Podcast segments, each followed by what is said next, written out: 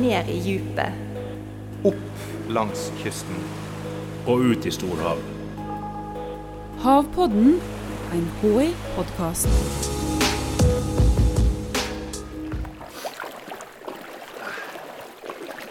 Fint med svømmetur om morgenen. Det er en kald, men solfylt morgen i september. Vi står på ei steinete strand på Askøy utenfor Bergen. Arne har på seg våtdrakt, sumjeføtte og snorkel, og han rygger baklengs ut i det kalde sjøvannet. Da går jeg eh, baklengs inn i soloppgangen. Havforsker Arne Dunker går ut i vannet for å samle inn det han mener er utmerka råvare. Og tilbake på land så er han godt fornøyd med fangsten. Veldig forfriskende. Og så var det litt mat.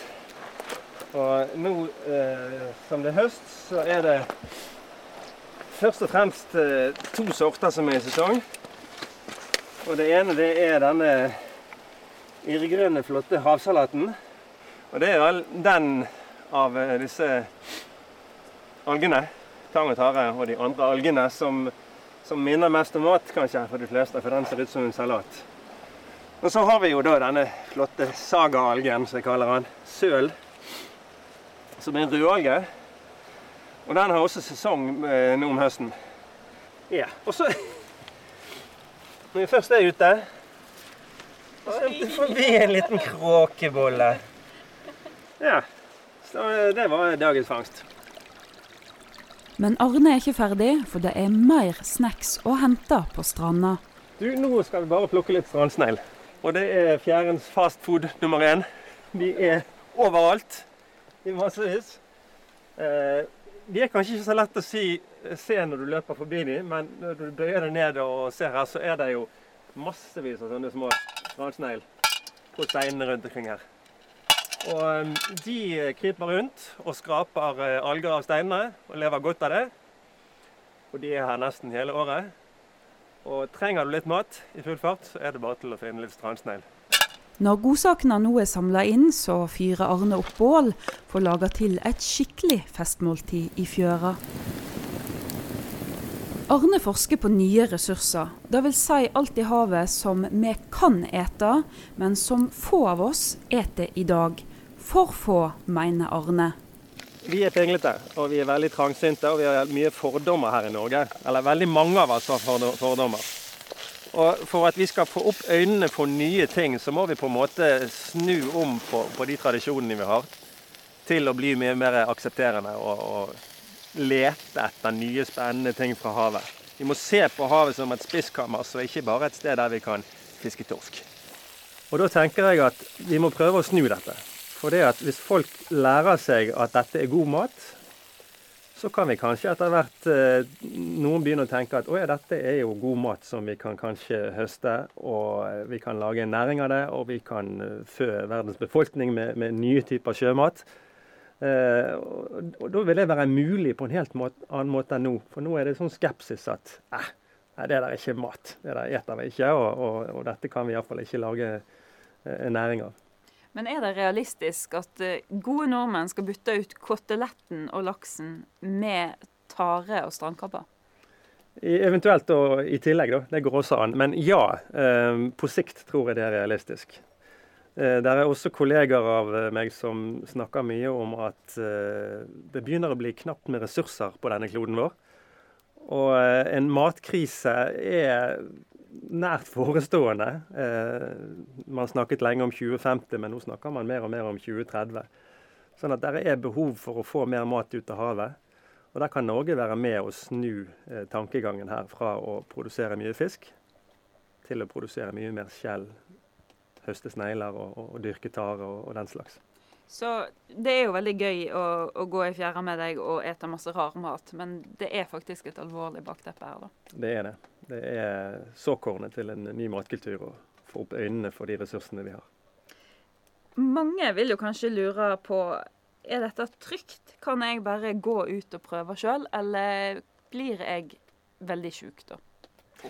Det alle vet etter hvert nå, det er at eh, blåskjell og andre skjellarter, der kan man få disse algegiftene i. Og Da har Mattilsynet og Matportalen denne blåskjellvarselet, der man kan se om det er trygt å høste selv. Når det gjelder de andre artene, så har vi faktisk ingen akutt giftige arter eh, her i Norge. Verken blant eh, snegler eller eh, disse strandkrabbene, eller blant eh, algene. Tangatarer, grønnalger og rødalger. Sånn at her kan man eh, gå ut, og hvis man da finner de artene som man har lest litt om, som man vet at det er vanlig å høste, så er det trygt å spise disse. Og etter å ha blitt dampa et lite minutt over bålet, så er strandsneglene ferdige. Og nå ligger sneglene klar til oss, Stine. Ja. Og da skal du få en, eh, en liten pirkenål. ja. Og dette mener du er mat? Dette er mat. Ja, helt klart. Du, det som er litt sånn eh, eh, paradoks, det er at veldig mange forteller meg at å ja, de strandsneglene, ja. Nei, men de har vi spist i Frankrike. Men når vi kommer hjem her i Norge, så eh, tør vi ikke spise de. For her er ikke det vanlige å spise de. Det er jo det største tullet jeg har hørt noensinne. Og folk burde skamme seg for å si noe sånt. Strandsneglene her i Norge er noen av verdens fineste strandsnegler. Nå ser du at uh, det stikker litt grann av foten ut i åpningen. Ja. Og Da stikker vi nålen godt inni den foten, og så trekker vi den ut. Ser du det? Forsiktig, og svopp, så har du fått ut hele sneglefoten og den snurren bak. Så er, det en liten, en snurr, ja. ja, så er det et sånn lite lokk på siden der som henger med noen ganger. Det bare tar vi vekk. Lokket skal vekk. Neglen kaller noen det, eller lokket. Det tar vi vekk. Et sånt lite blad i, i tampen av en fot. Så her Ja, har vi ja. en lang eh, buse. Eh, Ja. ja. Og det er denne som skal spises. Den spiser vi, hele den. Mm. Og de er så gode. Ja. Hva mener smaken om? Blåskjell. Ja. det smakte ganske blåskjell. Mildere enn blåskjell. Så det er mange som sier at det er en sånn mellomting mellom eh, blåskjell og krabbe. Men det er noe i skalldyr-verden. Dette det var jo overraskende godt. det var jo Ja, sant? Det er jo veldig godt, og det er mild smak. Det er ikke noe som er vanskelig å spise. Det er kanskje enkelte som syns at eh, det ser litt rart ut, for det er veldig uvant. Men konsistensen er eh, si, både mør og, fast, sant? Mm. Og ikke noe, ikke noe rart, dette her, altså. Eh, Vi får i dag ca. 2% av den maten vi spiser, fra havet. Utrolig lite av maten vår kommer fra havet, forteller forsker Tore Stromeier. Det forsker mye på lavtrofiske arter. Det handler veldig mye om, om skjell, eh, og hvordan de utnytter maten i miljøet. Eh, og så handler det òg om eh, hvor mye skjell vi kan produsere. Hva slags miljøavtrykk denne produksjonen vil gi. Det er, det er store deler av arbeidsoppgaven. Eh, Lavtrofisk er et ord, uttrykk du bruker, som, eh, som kanskje ikke helt eh, alle av oss vet helt hva er. Hva, hva betyr det at noe er lavtrofisk? Det betyr at en art er lavt nede i næringskjeden. Og hvis vi tenker tilbake, så tror jeg vi alle sammen har hørt om primærprodusenter. Og primærprodusentene, det er plantene våre. Og de tar energien for å vokse fra sola. Så, så det de organismene som har, har eh, mest energi, og det er de organismene vi kan produsere aller mest av. Det er plantene. Så hvis vi går opp ett trofisk nivå, så finner vi de dyrene som spiser direkte på plantene. Vi kaller de for plantespisere. Eh, og når en går opp ett trofisk nivå, så taper vi 90% av biomassen eller energien. Og det betyr det at vi kan produsere veldig veldig mye mindre av organismer på trofisk nivå 2 sammenlignet med, med planter.